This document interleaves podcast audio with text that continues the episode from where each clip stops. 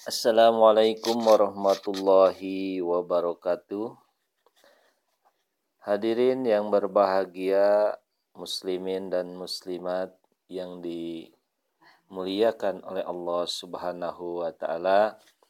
Pada deresan ini insya Allah akan disampaikan tentang lembah yang terakhir yakni lembah kemiskinan atau ketiadaan.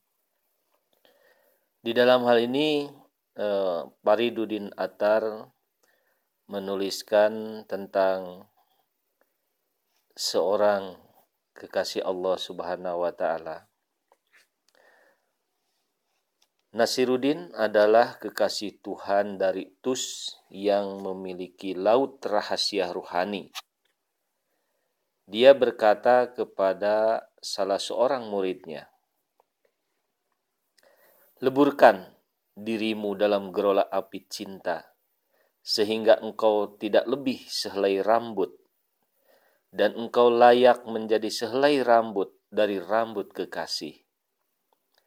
Apabila matamu menatap jalan dan selalu mengawasi, renungkan dan pikirkanlah." rambut helai demi helai. Barang siapa membelakangi dunia untuk menempuh jalan ini, dia menemukan makna kenikmatan. Kemudian menemukan makna keabadian.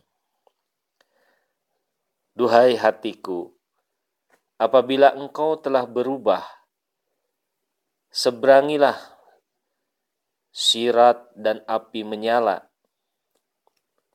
Apabila minyak nafsu di dalam lampumu terbakar, dia berubah menjadi asap hitam burung gagak. Tetapi bila minyak diserap api, dia tidak memiliki wujud kasarnya lagi.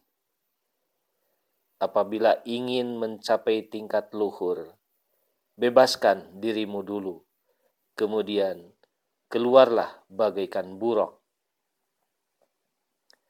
Kenakanlah jubah ketiadaan dan minumlah dari piala kemusnahan diri.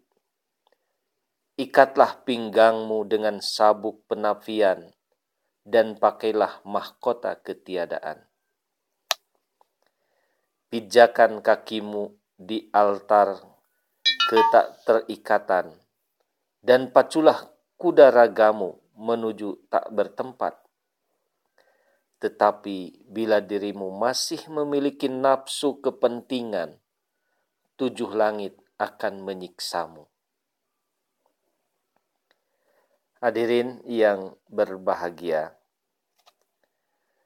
perjalanan yang sangat luar biasa, dan inilah gambaran perjalanan rohani ketika kita ingin kesempurnaan di dalam menemukan nikmat ilahi yakni nikmat kedekatan dengan sang halik jalan ini oleh para sufi zaman dulu ditempuh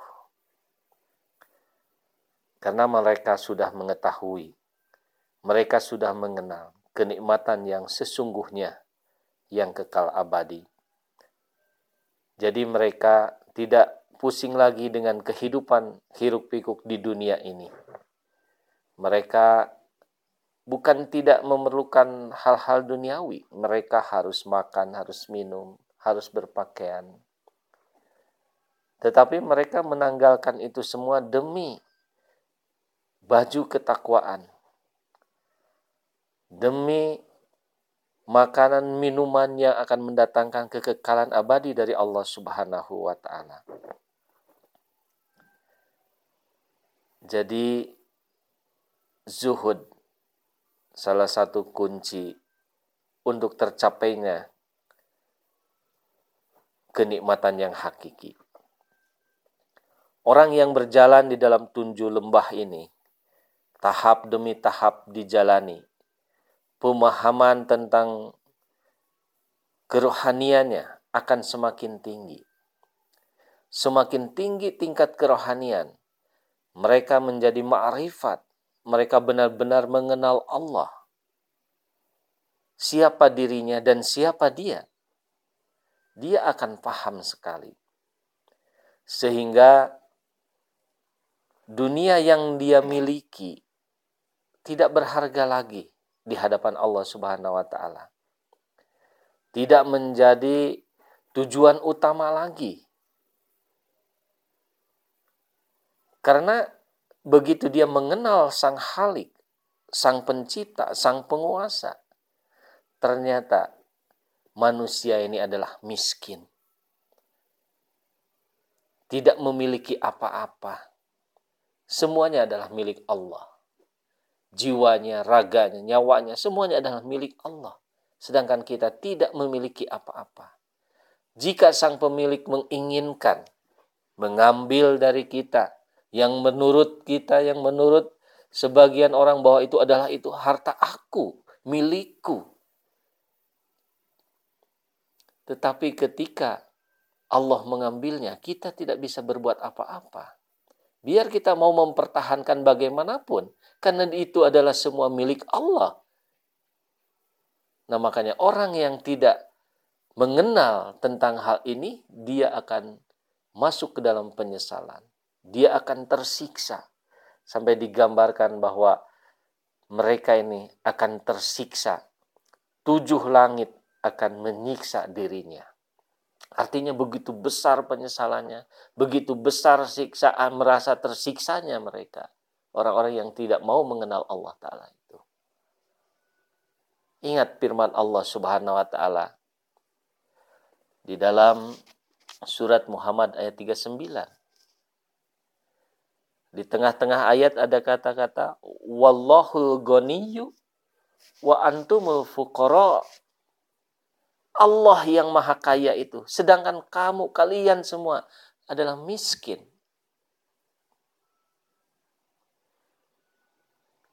Tidak mudah hadirin yang berbahagia berjalan di sini di lembah yang ketujuh ini tetapi siapa pun orang yang ingin mendapatkan kenikmatan yang hakiki maka inilah jalannya.